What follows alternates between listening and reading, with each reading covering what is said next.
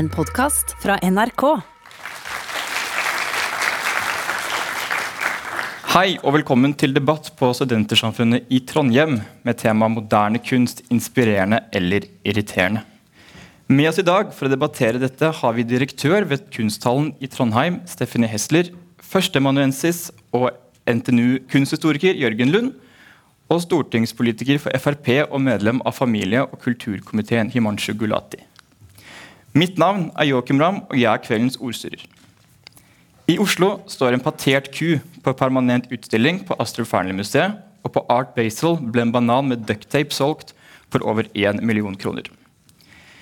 Innenfor kunstverden florerer det ulike begreper for å forklare og nyansere kunsten. Og selv om vi i dag bruker ordet moderne kunst, snakker vi også om samtidskunst. Begrepet samtidskunst brukes som kunsten produsert etter siste halvdel på 1900-tallet og frem til i dag, og kjennetegnes ved at man ikke lenger betrakter kunsten som et objekt, men snarere som en prosess, en kreativ handling eller en performativ ytring. Innenfor denne karakteriseringen er det også åpent for nye tolkninger av hva kunst er. Men med det som bakteppe råder også uenighet blant publikum om hva som kan betraktes for kunst. For er et helhvitt maleri kunst? Er et pissoar kunst? Og kan egentlig alt være kunst? Til tross for uenigheten om hva kunst er, strides det også om dens rolle og viktighet i samfunnet. Mens noen mener det er en nødvendig form for, for å uttrykke kollektive følelser, mener andre at det rett og slett ikke er det. Så hvilken verdi gir kunsten samfunnet? Og er det riktig at fellesskapet skal dekke utgiftene til noe det er så vanskelig å måle verdien av? Først vil vi starte med innledning fra debattantene før vi går over til selve debatten.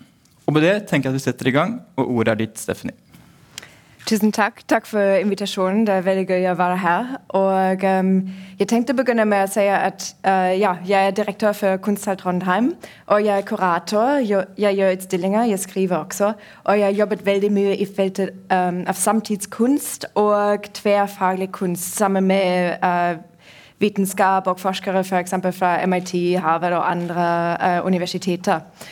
Og jeg har landet innom kunstfeltet fordi jeg tenker at det er det feltet der, kan, der vi kan være det frieste og uttrykke oss på det frieste måte. Vi kan tenke på nytt, og vi kan føle på nye måter som vi ikke, eh, ikke visste fantes.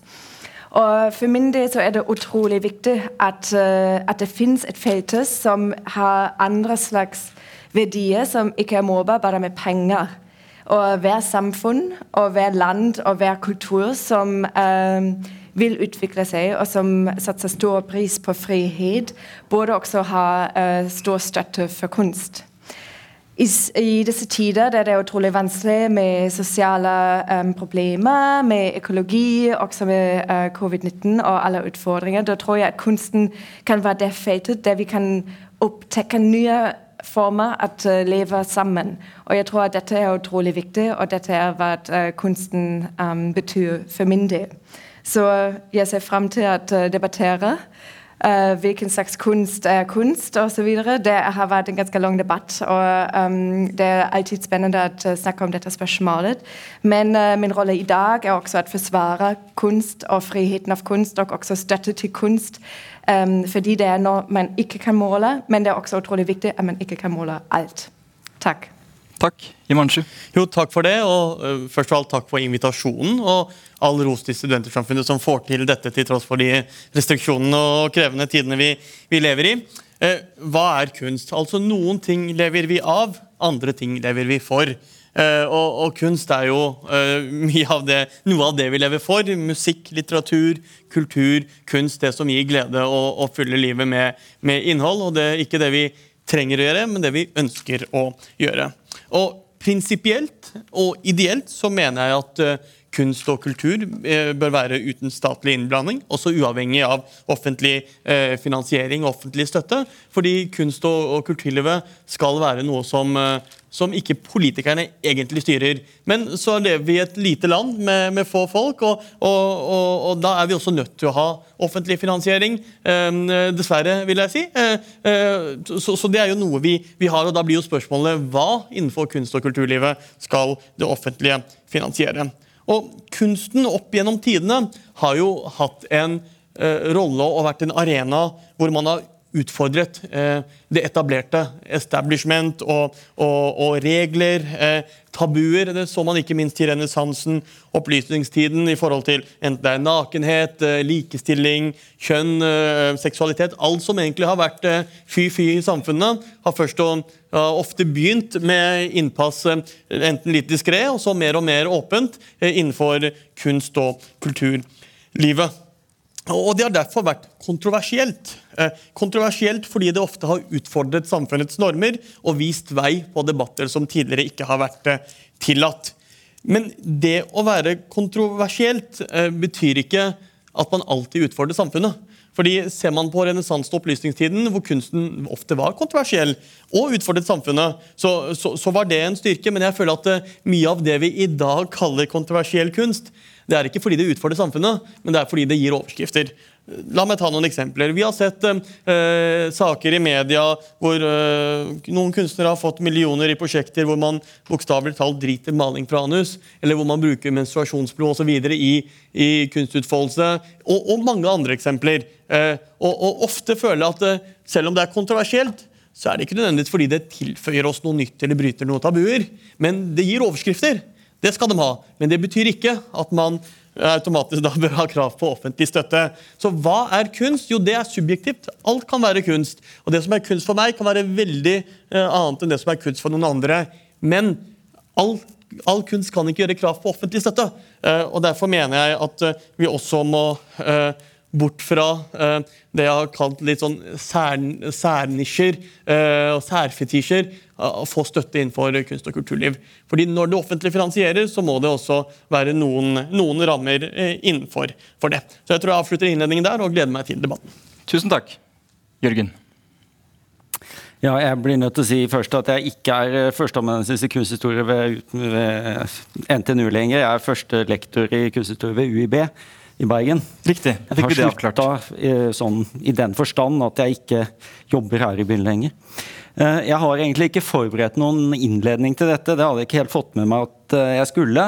Men jeg har, har lyst til å si tusen takk for at jeg fikk komme, og det er supert. og to ting er oppe her allerede, og det har jeg lyst til å kommentere bare som et slags utgangspunkt for noen få refleksjoner. Det er nemlig at på den ene sida så har vi kunst og kunstspørsmål, estetiske spørsmål, innholdsspørsmål, formspørsmål, all den type ting som man pleier å holde på med f.eks. i kunsthistoriefaget.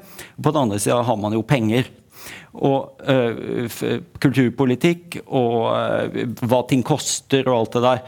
Og, og, jeg tror vel det at erfaring tilsier at det er ganske vanskelig å håndtere de to øh, feltene på en gang. Så det kan hende at uh, jeg vil forsøke liksom å manøvrere meg i en sånn situasjon at jeg slipper å snakke om de to tingene på en gang, for det er vanskelig.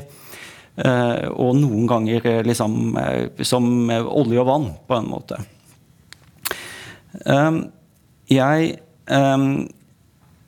er helt enig i det som blir sagt her nå nettopp om at oppmerksomhet eller publisitet eh, er, en, er, noe man kan komme til å blande sammen med kunstnerisk kvalitet. Det er helt åpenbart uh, et, en fare. Og jeg tror vel det at uh, vi er liksom Vi kan jo tillate oss, siden jeg er liksom kunsthistorikeren her, da, tillate meg å si det at provokasjonen for provokasjonens skyld, den er jo blitt historisk veldig gammel og ganske tom som, for, for innhold, egentlig. Sånn at jeg tror godt man kan liksom tillate seg å være litt sånn, svinge litt stort med armen og si at liksom Det der, det er eh, nå én ting. Oppmerksomhet, provokasjon, eh, mediale oppslag, det er nå én ting. og Noe annet er skal vi si, kunstnerisk kvalitet. Det behøver ikke være adskilte ting, men det er i hvert fall ikke slik at det ene garanterer det andre. Um, og så, Siden jeg nå ikke har noe mer å komme med, så vil jeg bare liksom, i hvert fall si til deg som snakka først, da, uh, Stephanie Hessler, at, at uh, jeg syns det er veldig interessant og fint at du snakker om, slik jeg oppfatter det, kunsten som et slags rom, en slags arena. Uh, mens det som fort skjer når man tar utgangspunkt i et ett eller annet konkret eksempel, da blir man så veldig materielt orientert at er det banan på vegg, liksom. Og det som da skjer, det er at man begynner å snakke om det hele som om det dreier seg om et utvalg ting. Og det er ikke nødvendig. Man kan godt snakke om dette her som en, et rom, en sone, en arena. Uh, og Det er også to forskjellige liksom, innganger til dette her, som sikkert kommer til å være på, på spill, begge to. Mm, tusen takk. Og jeg tenker Vi kan begynne med å prate litt nett om dette med verdien av kunst. eller det kan være vanskelig å måle. For om det ikke er monetært, skal det da være teknisk eller fremkallelse av følelser? Man, hvilke verdier er det kunsten skal gi, Stephanie? Altså verdien har jo altså Det finnes jo forskjellige årlige currencies, altså valutaer, kanskje. Så en er penger, en er kanskje det estetiske, en er spørsmål eller tanker som kunsten kan vekke. Og jeg tror Det er utrolig viktig å snakke om verdi på disse forskjellige måter. Det finnes en sosiolog, Pierre Bourdieu, som har snakket om dette veldig tydelig i 1980-tallet. Der han, uh, han mapping av feltet av kunsten, der han viser disse forskjellige former av verdi som kunsten har. Og jeg tror at alle disse verdier er utrolig viktige. Men uh, det andre ting er hva, uh, verdien som kunsten gir oss, uh, et samfunn. Og da tror jeg at det er disse, um, disse, dette feltet, eller dette disiplin, som, som, tilbyr oss muligheten til å tenke annerledes og til å fornye samfunnet hele tiden. Når man tenker f.eks. på kunst som ikke en disiplin, da blir det ganske vanskelig, for da kan man si ok, hvem som helst kan være kunstner, eller hva som helst kan være kunst. Men det er ikke sant, synes jeg. Kunsten har utviklet i mange, år, uh, mange tusen år som andre disipliner også. og Det finnes eksperter i feltet som gjør et jobb, og som driver med utvikling, videreutvikling av kunsten hele tiden. Og Det er kunstnere, det er kuratorer, skribenter. Det er også publikum selvfølgelig som er del av dette.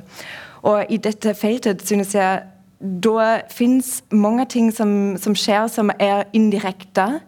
Og som man ser, eller at man ser resultatet Um, ikke i morgen eller kanskje neste år, men over lengre tid.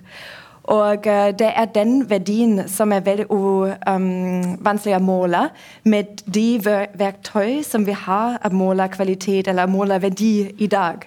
Kvalitet kan man selvfølgelig altså Det fins um, klar, mer eller mindre um, klare sett at uh, måle kvaliteten eller vite hva som er kvalitativ i kunst. Men dette verdi er mye mer kompleks enn bare penger som er f.eks. endimensjonelt. Så det er noe som utvikler seg over tid i forskjellige ulike lager og i forskjellige ulike måter. Psykologisk, estetisk, um, spørsmål osv. Så, videre. så det er den verdien som er utrolig vanskelig å måle, men som er utrolig viktig. For mennesker er jo kompleks, og samfunnet er kompleks, og verden vi lever i er kompleks. Så kunsten må også kunne være kompleks. Jørgen, vil du si noe om verdien av kunst?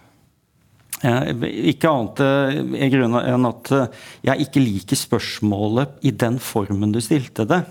For du sa 'hvilken verdi som kunsten skal gi'.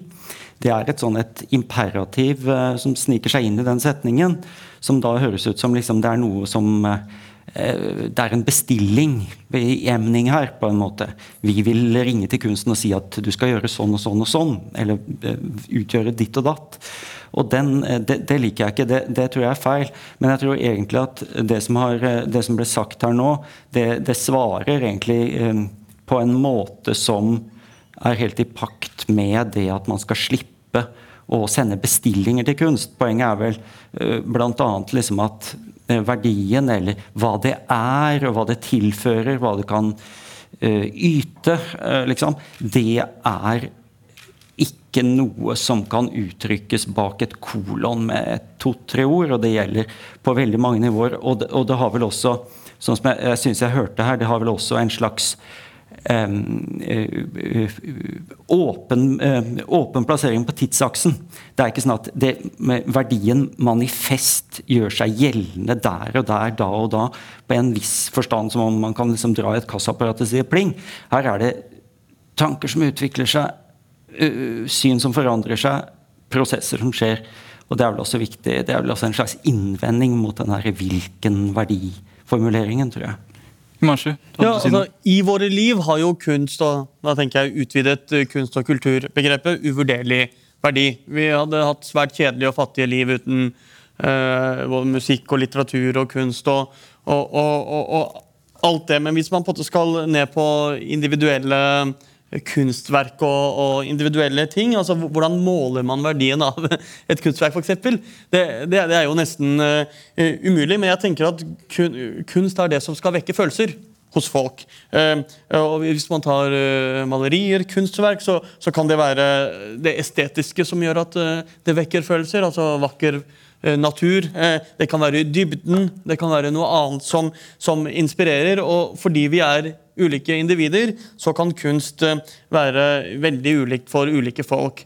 For noen kan selv eh, pissoar eller en banan på en eh, vegg være kunst. For meg er det, eh, er det ikke, ikke, det. Og jeg tror for veldig mange andre vil det, vil det ikke være det. Og, og, fordi kunst er så ulikt, så er det jo vanskelig å sette, sette grenser. Men som politiker så er jo det nettopp jobben eh, til meg og mange andre. Eh, fordi vi må sette grenser i forhold til da finansieringsbiten. Fordi selv om kunst og kultur kan være øh, nesten hva som helst kan være kunst og kultur for noen, så må vi sette noen grenser for hva som skal få pengestøtte. Og da, da er jo ikke meningen heller at, at, man skal produsere det folk vil ha. Det er jo ikke sånn at man når man skal lage en film, Jeg har drevet en del med film, eh, film selv. Det er ikke sånn at man tenker at folk vil ha en blanding av action og drama, og, og, så prøver man å lage en film basert på den formelen man, man, lager basert på noe annet enn idé, en historie, en, en, tanke. Men det er jo viktig at folk vil ha det du produserer allikevel. Og i forhold til eh, offentlig finansiering mener jeg at det må være et mål. Publikumsfokus. Eh, det at eh, det man eh, lager eh, skal eh, på det, bli Vi skal komme tilbake til dette med offentlig finansiering ja. senere. Men jeg lurer på, har vi en slags idé eller en romantisering av hva kunsten skal være for oss? Må vi ha en sterk opplevelse i møte med kunst, Stephanie? Altså, ja, Spørsmålet med om man må noe, noe syns jeg er litt vanskelig. Men jeg tenker at um, Altså Hele denne debatten handler ikke bare om verdien av kunst, men også sånne verdisystemer i samfunnet. Og Jeg tenker på et eksempel for eksempel fra kalte krigen, der USA sponset uh, abstract expressionism. og Det var spesielt fordi de tenkte at uh, sosialistiske kunstnere fra UDSSR um, at uh, den var ikke verdt noe, og de ville virkelig vise at Amerika er mer fri gjennom å støtte kunst. Og det var motsatt må en begrenset, eller hva USA tenkte på den tiden, var som var en begrenset forståelse av kunst i um, Sovjetunionen. Så um, gjennom å støtte kunst altså spesielt uttrykk, selvfølgelig, men også andre måter av kunst, så ville de vise virkelig at den diversiteten eller mangfolden at den er utrolig viktig. Og at hver samfunn som vil være fri, og som vil, som vil, også, som vil ikke ha forskrifter om hvordan man skal føle, hvordan man skal tenke, at den mangfolden i uttrykk må eksistere, må finnes og må støttes. Og jeg synes at dette er utrolig viktig eksempel, der vi kan se hvordan denne mer progressive måten tenker hvordan den um, fantes i ganske lang tid, og hvordan den var motsatt reaksjon, mer reaksjonistisk kanskje uh, måte å tenke om kunst og kultur. Og det er fortsatt spørsmål som vi diskuterer i dag. Altså, må, er det virkelig staten som skal foreskrive um, hva kunsten er, og hva kunsten skal være. Er det staten for eksempel, som skal foreskrive biologer hva de skal forske, eller hvilke materialer de skal anvende? En ingeniør, skal den anvende stål eller ikke? Det er sånne, altså jeg tror ikke at staten burde gjøre det, men at det er, staten skulle, um, skal hjelpe å utvikle et felt med eksperter som en biolog, en ingeniør eller en kunstner, f.eks. Så har da disse ekspertene en slags ansvar å vise det norske folk og publikum noe kunst man kanskje ikke syns er så behagelig å bli eksponert for? Det kan, altså, um, Jeg tror også at provokasjon for, for, for provokasjonens skyld er ikke spennende, og det har funnet seg ganske lang tid. og det er typ, ok, what for? Men jeg tror f.eks. at uh, i en samfunn der uh, kvinner uh, fortsatt ikke kjenner samme, mengde, um, samme lønn som menn, og det er fortsatt spørsmål kring kropper og altså kvinnelige kropper, um, men også forskjellige kropper. altså jeg tenker på disability for eksempel, Andre former av kropper som vi ikke synes er perfekt. Og hvordan menstruasjonsblod for eksempel, er fortsatt et tabu. Da tror jeg at det er utrolig viktig at og det kan være kunst, men det kan også være andre felter, at de viser oss um, ja, the truth. og en realitet. Altså, vi lever jo med disse kropper, og det er jo ingenting som, som um, Ja, det er ikke kunsten selv som um, that invents it. Men den viser bare, og jeg tror at hvorfor vi føler oss kanskje ukomfortable mot et verk, det sier mye mer om oss selv enn om kunstverket. Når det finnes disse tabuene da, som nevnes her i samfunnet, hvorfor skal ikke da samfunnet finansiere denne type kunst? Mm.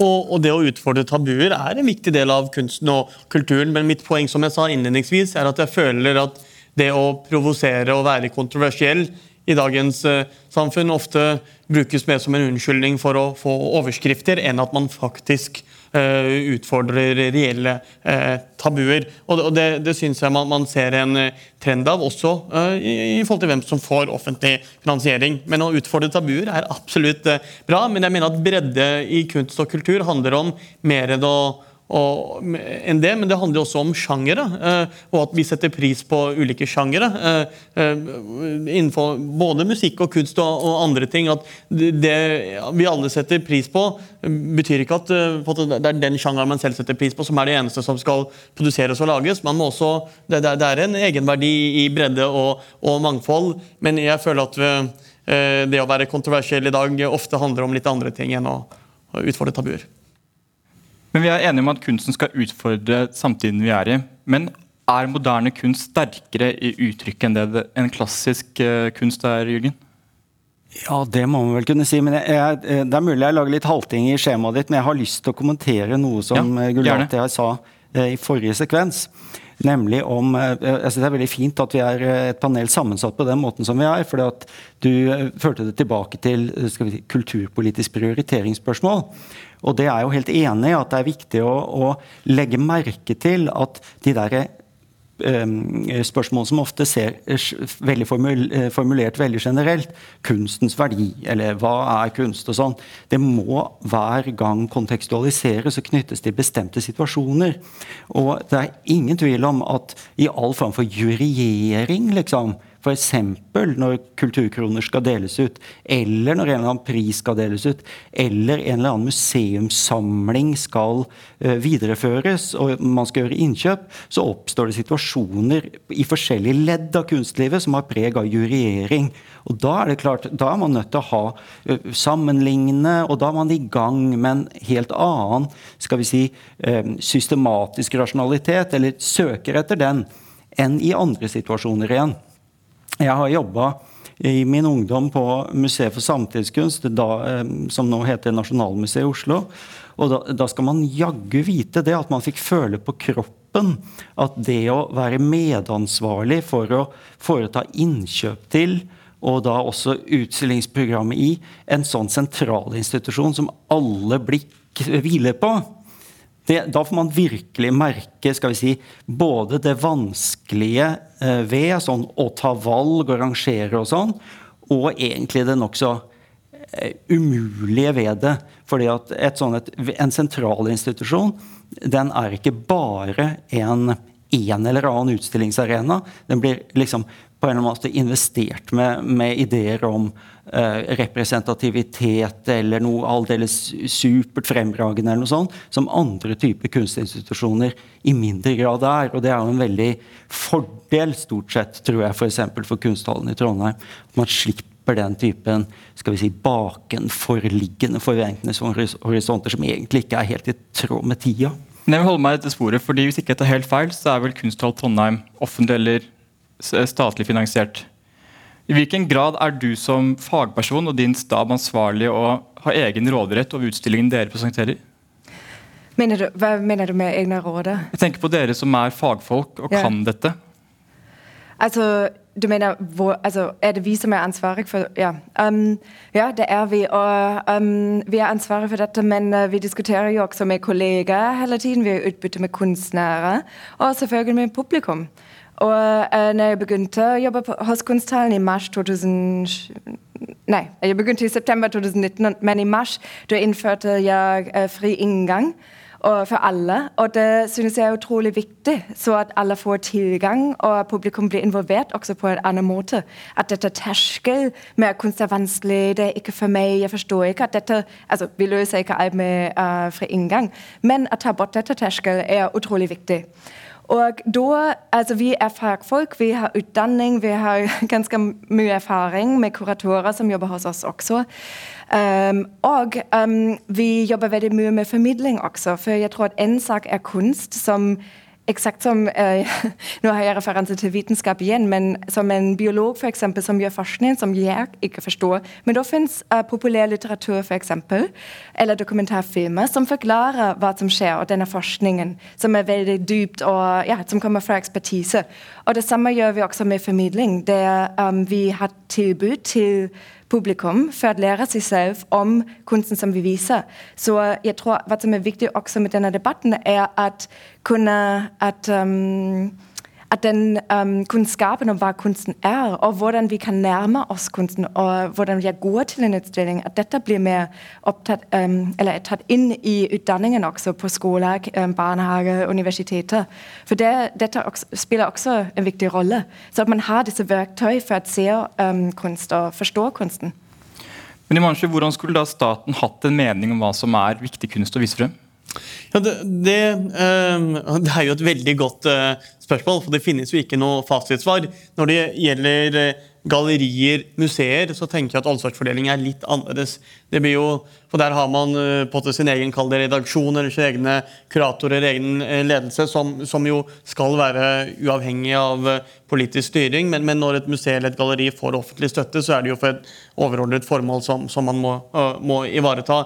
Jeg, jeg, har større problemer med uh, mange av de enkelttildelingene av offentlige kroner som skjer fra uh, f.eks. Uh, Kulturrådet eller, eller andre uh, steder, hvor, hvor, vi ser at det er ja, for si det på godt norsk, mye rart som, som får uh, uh, penger, også som strider med det jeg tror kanskje den allmenne, forståelsen av eh, hva som er kunst og offentlig ansvar for ivaretakelse av ja, kunst og kultur. Mm, for det er jo sånn i dag at En rekke kunstnere har behov for økonomiske midler for å produsere verkene sine. Og Mange søker da bl.a. Kulturrådet for statens kunstnerstipend. Og Jørgen, jeg lurer på hva du tenker om om det er opp til kunstråd å bevilge penger, penger eller er det noe markedet skulle styrt i større grad? Eh, nei, Det vi snakker om her, det er vel uh, i utgangspunktet at vi har en offentlig kulturpolitikk.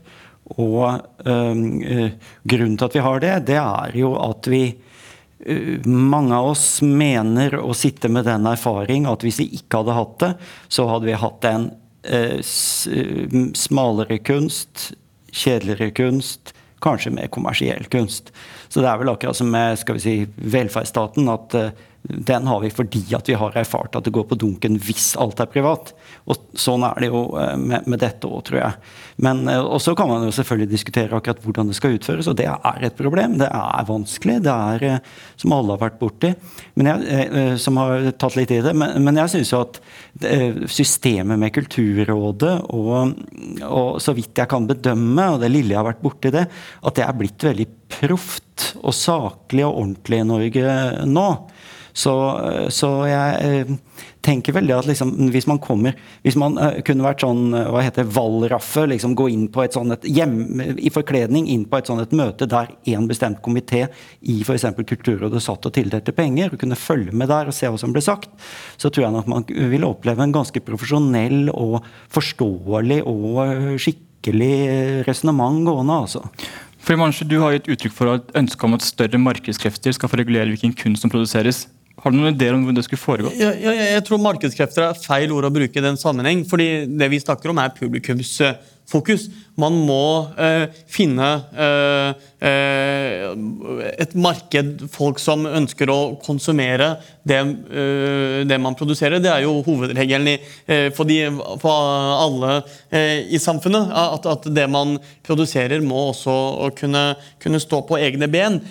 men fordi vi er et lite land, og vi vet at det ikke er, er mulig å drive uten offentlig støtte på en del felt, så, så, så må vi ha offentlig støtte men da må også eh, kravene vi stiller, og, eh, være ganske strenge. Altså, mye av den norske eh, Mye av kulturen man blir inspirert av når man vokser opp i Norge, for i mine tenår når jeg vokste opp, er jo fra USA. For når det gjelder musikk og, og film og, og, mye av de, den kulturopplevelsen vi konsumerte, er jo fra USA. Et land som, som, hvor det er svært lite offentlig finansiering. Men så er det jo et stort land, så det er mulig å, å overleve Eh, hvis det man lager, settes pris, eh, pris på. Men, men, men, men, eh, jeg mener at ideelt prinsipielt så bør eh, offentlig finansiering være noe man ikke har innenfor kunst og kulturliv. Når vi likevel er nødt til å ha det fordi vi har en begrenset befolkning, så må vi sørge for at de ordningene eh, først og fremst går til de som har et eh, publikumsfokus og ivaretar en, en bredde. Og Kunstnerstipender er noe som eh, både jeg og Fremskrittspartiet har vært veldig kritiske til, for vi mener at det har fokusert mer på eh, stipender over, over tid, at, det kan ha en passiviserende effekt, istedenfor at man knytter det til eh, leveranser og, produksjon av, eh, av kunst. Men Stephanie, Når dere er en eh, finansiert fra offentlige midler, betyr det at dere stiller dere friere til å velge hva dere viser frem, enn om dere hadde vært kommersielt drevet? Altså, jeg tror at fri, Det fins ingen 100% friheten eller autonomi, men jeg tror at vi absolutt er mer fri. At, at vi ser kunst som er ja, som har ingen marked, som er vanskelig å ha i huset hjemme, som man vil, vil kanskje ikke gå og kjøpe. Og jeg tror det er utrolig viktig å ha denne mangfolden.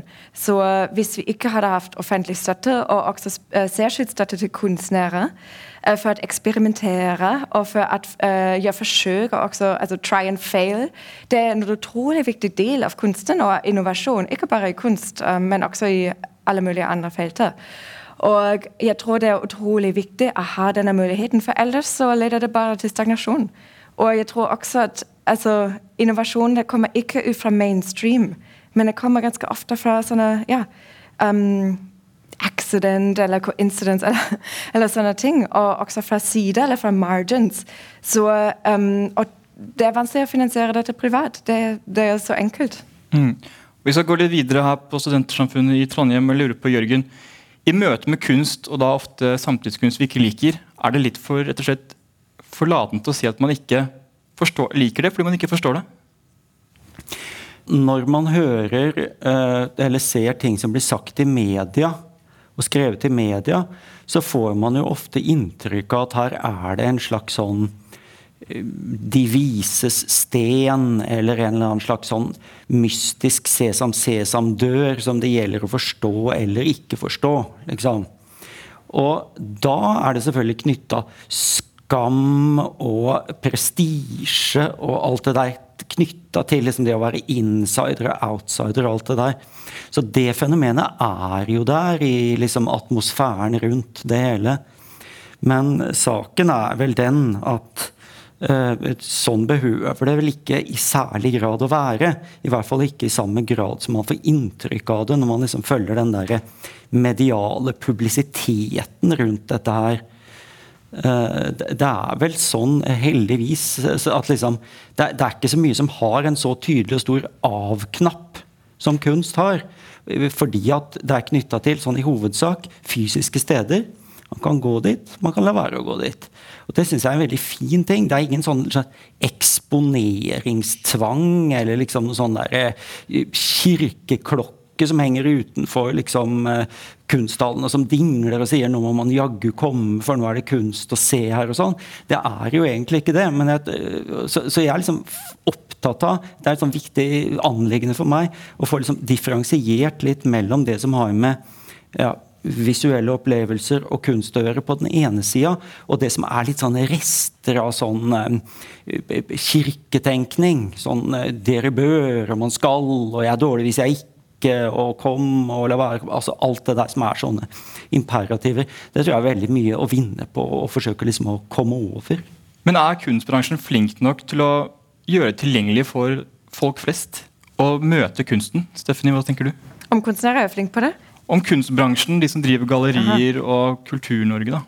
Jeg tror vi lærer oss ganske mye hele tiden. Um, og, ja, men jeg har stor tro på at fleste, altså de fleste de tykker det er kult å lære seg nye ting og at uh, eksperimentere. Men det er ganske mange ting som f.eks. arkitekturen til museet, som er problematisk og som er ganske ja, intimidating ganske ofte. Men jeg tror det finnes måter å møte publikum, um, så at de skjønner at dette er terskel, at man virkelig kan komme inn, og at det er for, for alle. Og vi, jeg tror også på um, mangfold da. At det er utrolig viktig å ha tilbud til forskjellige grupper. At man kan komme og se en utstilling, man kan komme og se en panelsamtale, man kan komme og se en film, eller uh, så, så finnes det barneprogram osv. Men uh, det er ikke for alle, kanskje. Altså, hvis man ikke kjenner at man er interessert i kunst, det er ok. Altså, idrett er fint, Netflix er fint, men jeg tror at dette mangfoldet det er hva som gjør et samfunn spennende. Hva tenker du, Marsha? Det, det, er nok eh, varierende. Og, og kunstbransjen, eh, kunstmiljøet, kjemper jo om folks oppmerksomhet. Eh, mot veldig mange andre ting. Enten det er mobilbruk, gaming eller hva det er. Altså det er jo en kamp om folks uh, oppmerksomhet, uh, oppmerksomhet og jeg, jeg, tror det varierer veldig. Det har man jo også sett nå i koronatiden, hvor det har vært mye restriksjoner. Noen museer, gallerier er flinke til å, å promotere ting online digitalt. andre er nok lite kreative, enten det er krise eller, eller ikke. Men, men kunst er, er jo en opplevelse. Og, og Mitt inntrykk er jo at folk konsumerer, ser på meg selv også, folk konsumerer mer kunst kanskje i forbindelse med reising, ferier, fordi det er en uh, opplevelse og en del av også større uh, opplevelser. og og, Jeg tror absolutt vi kan gjøre mye mer for at nordmenn skal få øynene opp for hva slags fantastiske ting man har i, i Norge, slik at man utforsker mer av det også i hverdagen. Nimarsho, du har drevet med film, som du sa. Mm. Er vi mer kritiske til nye former for annet kulturer og malerier enn det vi er for nye former for musikk og film? Er det for fremmed for folk? Eh, altså, moderne kunst, samtidskunst, eh, er eh, mer krevende å drive enn eh, en når man eh, drar frem et gammelt eh, maleri eller bilde. Eller, eller, for, for, fordi når noe skjer i, i vår samtid, så, så, er det så mye mer vanlig at hva, hva gjør det til, til kunst? Altså, det, det, det, blir jo en, en terskel man må eh, man må, uh, man må nå. Men, men, men jeg syns det er utrolig mye bra eksempler på hvordan man også øh, integrerer moderne kunst i arkitektur, byliv, slik at man, man, bruker moderne kunst på en annen måte enn om man drar på et galleri for å se eh, 'Skrik', som er et gammelt maleri. Så det, det, det setter jo også, eh, utfordrer jo også skaperne av moderne kunst om hvordan man gjør det mer relevant eh, og integrert i, i hverdagen får lyst til å si en liten ting om det der med kunst og antall besøkende. Når vi snakker litt, altså En institusjonsleder her som forteller litt om liksom, måtene man skal jobbe mot publikum på. og sånn, eh, så, så kommer jeg til å tenke på det at med jevne mellomrom eh, i media de senere år så har det dukka opp sånne saker av typen kunsten har et kommunikasjonsproblem. liksom Svære typer. Og da skrives det ofte, eller sensasjonaliseres, problemet ofte på en måte som liksom impliserer det at fordi at det går flere folk inn på Mix-kiosken ved siden av der det er tippekuponginnlevering, enn det går inn på kunsthallen der det ikke er det, så er det liksom problem. på en måte. At En simplistisk idé om liksom det må være mange, ellers er det ingenting. liksom.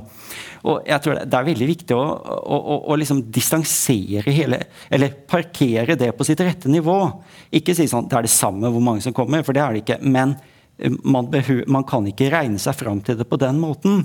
Og det andre er også at det der med kommunikasjon det er et litt sånn farlig begrep. Det er klart at eh, hvis man uh, forventer eller tenker seg at kunstverket eller kunsten liksom skal snakke ens eget språk, eller snakke tydelig språk, akkurat som liksom en, den beste kommunika kommunikatør vil gjøre, så uh, stiller man med et mindset som er en veldig hindring i omgangen med kunst. For her er det jo ikke sånn at det snakkes i en bestemt kode som da av en eller annen snobbegrunn liksom, er veldig vanskelig for de få. og sånn. Det er jo snarere det at det fenomenet vi kaller kunst, det handler i stor grad om å liksom snu og vende på koder og, og prøve å snakke på en litt annen måte. Det, er vel, det er vel som, omtrent som hvis en voksen sier til et barn ehm, eh, 'Hva heter du, da? Hvor gammel er du?' liksom, eh, lille venn. Da hører barnet at det er svindel. Gidder ikke svare. Barnet sier sånn 'Nei, skal vi eh, leke sisten isteden?' sier barnet. Nekter å svare. Og det er vel egentlig en ganske god parallell til hva det dreier seg om her. Nemlig man er nødt til å leke sisten med det barnet. Og på samme måten så er det vel sånn i kunsten at man på en eller annen måte er nødt til å Man kan ikke liksom kommunisere med det språket og med de klisjéhenvendelsene som man hadde da man kom. Men distribueres da kunsten riktig i dag? Hvis det er så vanskelig for folk og man må leke sisten for å forstå dette? Fins det ikke nye måter å distribuere det på da? Det fins eh, selvfølgelig nye måter å distribuere på og formidle på og reklamere på og kommunisere på, men det er ikke det samme som at uh, målet er, eller at det fins noe slikt som en, uh, en kunst der hvor kommunikasjonen flyter like lett som over uh, en eller annen normal disk, liksom. Det er noe prinsipielt annet. Det er det at man stopper opp. Det at barnet sier 'jeg vil ikke svare', 'jeg vil gjøre noe annet'. Det er der hele tida. Og det må man ta utgangspunkt i. i mitt arbeid med uh, tverrfaglige kunstprosjekter. Da skjer det ganske ofte at man går til en uh, forsker fra andre felter, og at denne forskeren spør ok, men du er kunstner eller kurator, uh, dere er her for å hjelpe oss å kommunisere. Og det, det, er selvfølgelig ikke hva vi gjør. Altså det, kunsten er ikke propaganda. Og det er også, dette var jeg synes er utrolig viktig. Altså at, ja, det, det, er ikke så direkte, kanskje, men, men det er også ok. Og jeg tror dette er en misforståelse som, uh, som skjer ganske mye i, um, i debatter kring kunst.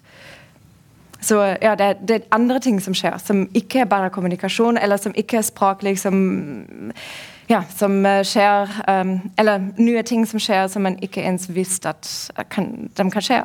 Men Hvis kunsten kommuniseres og er vanskelig å forstå for folket, er det da litt elitistisk? Er kunstmiljøet og den evnen og tiden til å kunne forstå et elitistisk uh, refleksjon av samfunnet vårt, rett og slett? Den er ikke elitistisk. Det fins en del av kunstverden som er elitistisk, men det er det samme i Hollywood. Altså, en del av filmproduksjonsverdenen er også utrolig elitistisk. Men um, jeg tror at, uh, ja, at vi må finne andre måter at, uh, altså med utdanning, som jeg sa det tidligere, og med kommunikasjon kring kunst for å gjøre det mer tilgjengelig. Men jeg synes at kunsten selv ikke elitistisk alt. Det er kanskje mindre elitistisk enn å lese en bok. For du må ikke ens kunne lese for å kunne se eller oppleve kunst. Og det er så utrolig, det er så fint med kunst. At den taler på forskjellige språk som ikke er språklig. Og at den taler til forskjellige personer for, på ulike måter. Jørgen? Kunst er ikke propaganda, det er jeg helt enig i. Det, eh, for det er jo på en måte å formulere det der med kommunikasjon mest mulig radikalt. å si at den ikke er propaganda. Eh, men Det er mulig jeg rir en kjepphest her, men jeg har lyst til å si det allikevel. Ideen om at kunst er kommunikasjon, eller må være kommunikasjon, eller at kommunikasjon er et kriterium her, den fører til mye trøbbel. Ikke bare at eh, det er vanskelig å, å liksom Eller at man skyr uh, kunstgalleriet litt, kanskje. Men det, eh, jeg tror at vi har et veldig sterkt eksempel på en annen type trøbbel som det har ført til rett foran nesa på oss. Og det er Norges største kunstsak, kanskje i vår levetid. Nemlig den begredelige, triste historien om monumentet ved Tyrifjorden, Utøya. Hva var det for noe?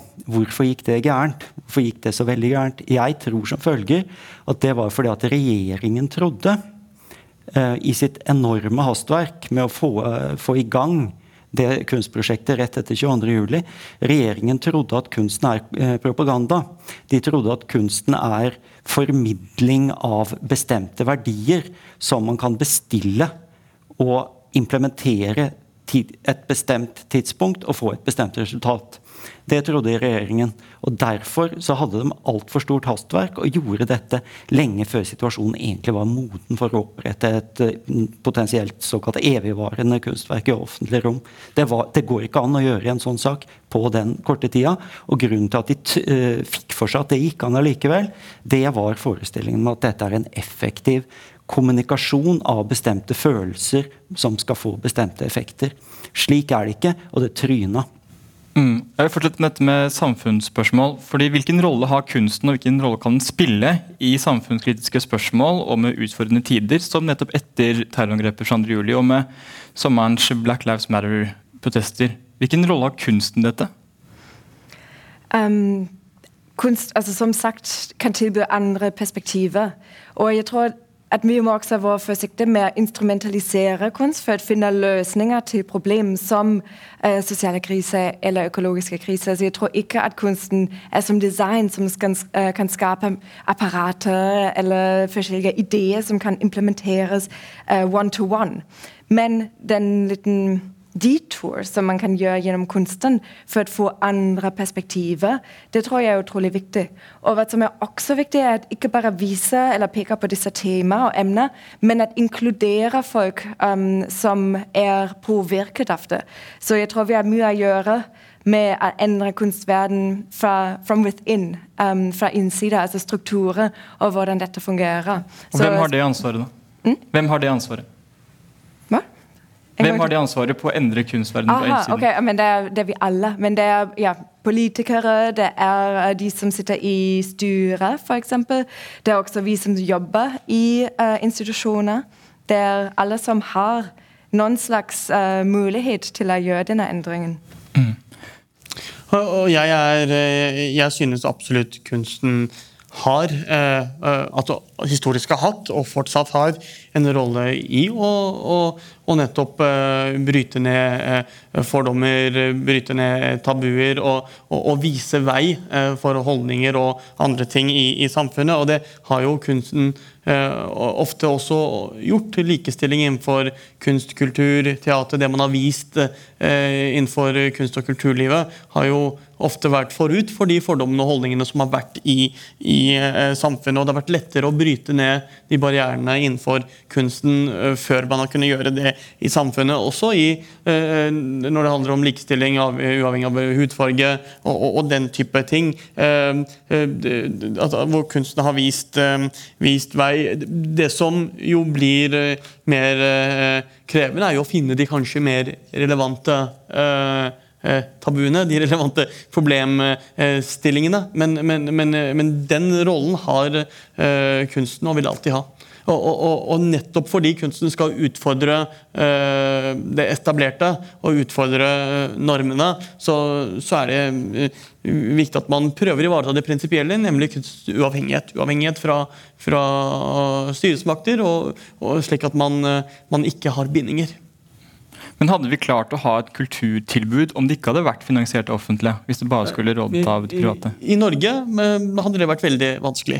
Eh, og, og, og, og, så har jo kunsten to sider. Det ene er jo eh, institusjoner, slik som museer, gallerier, eh, andre ting som har en kostnadsside ved seg å, å, drive, som det er helt riktig at det, det offentlige eh, eh, finansierer. Men igjen, de debattene vi har hatt i, i, i media, handler jo ikke først og fremst om vi skal ha museer museer, gallerier, eh, kunsthaller. Det tror jeg de fleste er, er for, men, men, det er nok når man går ned på finansiering av enkeltprosjekter og, og de vurderingene som gjøres her. Og her på Studentersamfunnet i Trondheim har vi nå snakket om eh, kunstens rolle. Men hva med kunstnernes rolle? Hva tenker du om det, Jørgen? Må kunstnerne stille seg mer kritisk til hva de ønsker å formidle, det er ikke en formulering som jeg ville brukt. Eh, kunstens rolle og kunstnerens rolle er vel kanskje omtrent å snakke om det samme med litt forskjellige ord.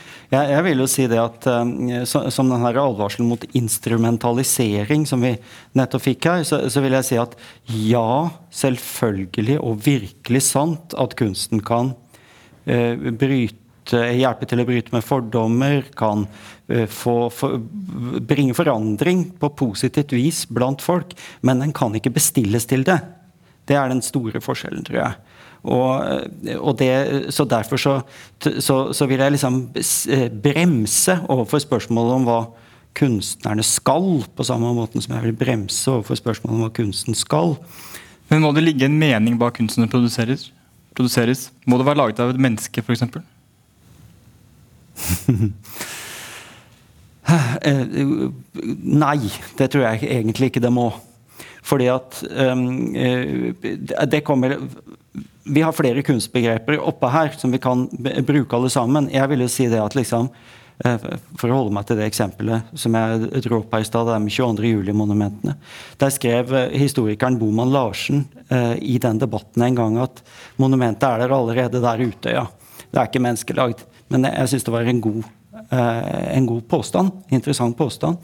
Og, og, så er det jo også det at eh, kunst, hvis man tillater seg å tenke at det ikke bare er liksom et eller annet sånt innramma rom eller noen eh, spesielt klasse objekter og sånn, men det er en slags åpen ting som også omfatter skal vi si, betraktningen. Også omfatter publikum i en viss forstand. Så kan vi også si det at de tingene som vi gjør i forbindelse med kunst, kan også være en slags kunst. Da tenker jeg på sånn hvis man lar være å gå et sted fordi at man ikke føler det riktig, så utøver man jo en slags eh, estetisk dømmekraft eller klokskap som kan ha mye å si. Alle har antageligvis vært med på det at hvis det har skjedd noe som er utover alle grenser i ens liv, en sorg, et tap, en eller annen sensasjon, så finner man seg plutselig at man begynner å dikte selv om man ikke er dikter. Liksom. Eller at man kler på Farver håret hvis man har hår. Eller gjør et eller annet sånt noe. Og den typen handlinger, den typen liksom, det register av responser som vi snakker om da, det tror jeg også vi må liksom ha med her. Det er ikke sånn at kunsten er liksom noe som er inni en bank enten i form av ting eller bestemte handlemønstre eller noe sånt. Det er også liksom vår alles mulighet til å regulere og gjøre ting uten at vi egentlig baserer det på så mye mer enn fornemmelsen eller dømmekraften. Stephanie, hva tenker du om dette? På kunstnerens rolle jeg tenker på kunst som et økosystem der alle uh, deler er utrolig viktige. Og hvis det savnes én del, da påvirker det også alle andre deler. Så med kunstnerens rolle da tror jeg at det er utrolig viktig i et økosystem å ha så mange kunstnere som mulig. Jeg hadde ikke flyttet til Trondheim hvis det ikke fantes kunstscene. For jeg vil ikke være i et vakuum. Og kunsthallen kan ikke heller fungere i et vakuum. Men vi er helt avhengig av det frie feltet her. Og jeg tror det er utrolig viktig å få støtte til kunstnere i form av atelierer, i form av stipendier. Og at låte dem utvikle arbeidet deres som de ikke kunne gjøre annet. Alle som er, eller alle, men de fleste som er kunstnere, de tar på seg masse år av studier på universitetet. De er utrolig seriøse mennesker som virkelig tror på hva de gjør. De er profesjonelle um, arbeidere, eksakt som, som andre uh, som utøver jobbet sitt. Men uh, ja, som sagt, verdien er utrolig vanskelig å måle, men den finnes. Så jeg tror at uh, en samfunn, en by som vil, ha, um, ja, som vil være levende og som vil kunne utvikle seg, den må støtte kunstneren, den må støtte kunstsystemet. og spesielt de som utøver kunsten, og som også lever. altså Kunstnere, de fleste, er jo ikke rike. Det er ikke masse penger som går til kunst, kunstnere og til stipendier heller. Himanshu, vil du ha noen siste ord på dette? Nei, og, ja, og jeg mener kunstnere ikke kan leve i et vakuum eller operere i et vakuum. Fordi selv om uh, det man driver med, skal ha en mening for seg selv, og, og, og det, inspirasjon kommer ofte innenfra en selv, så uh, lever vi i et uh, samfunn hvor noen skal konsumere uh, kunsten, sette pris på den. Og hvis du ikke lager noe som noen setter pris på, så, og, og, du ikke treffer andre mennesker med det du lager, vel så har nok kunsten litt lite relevans også.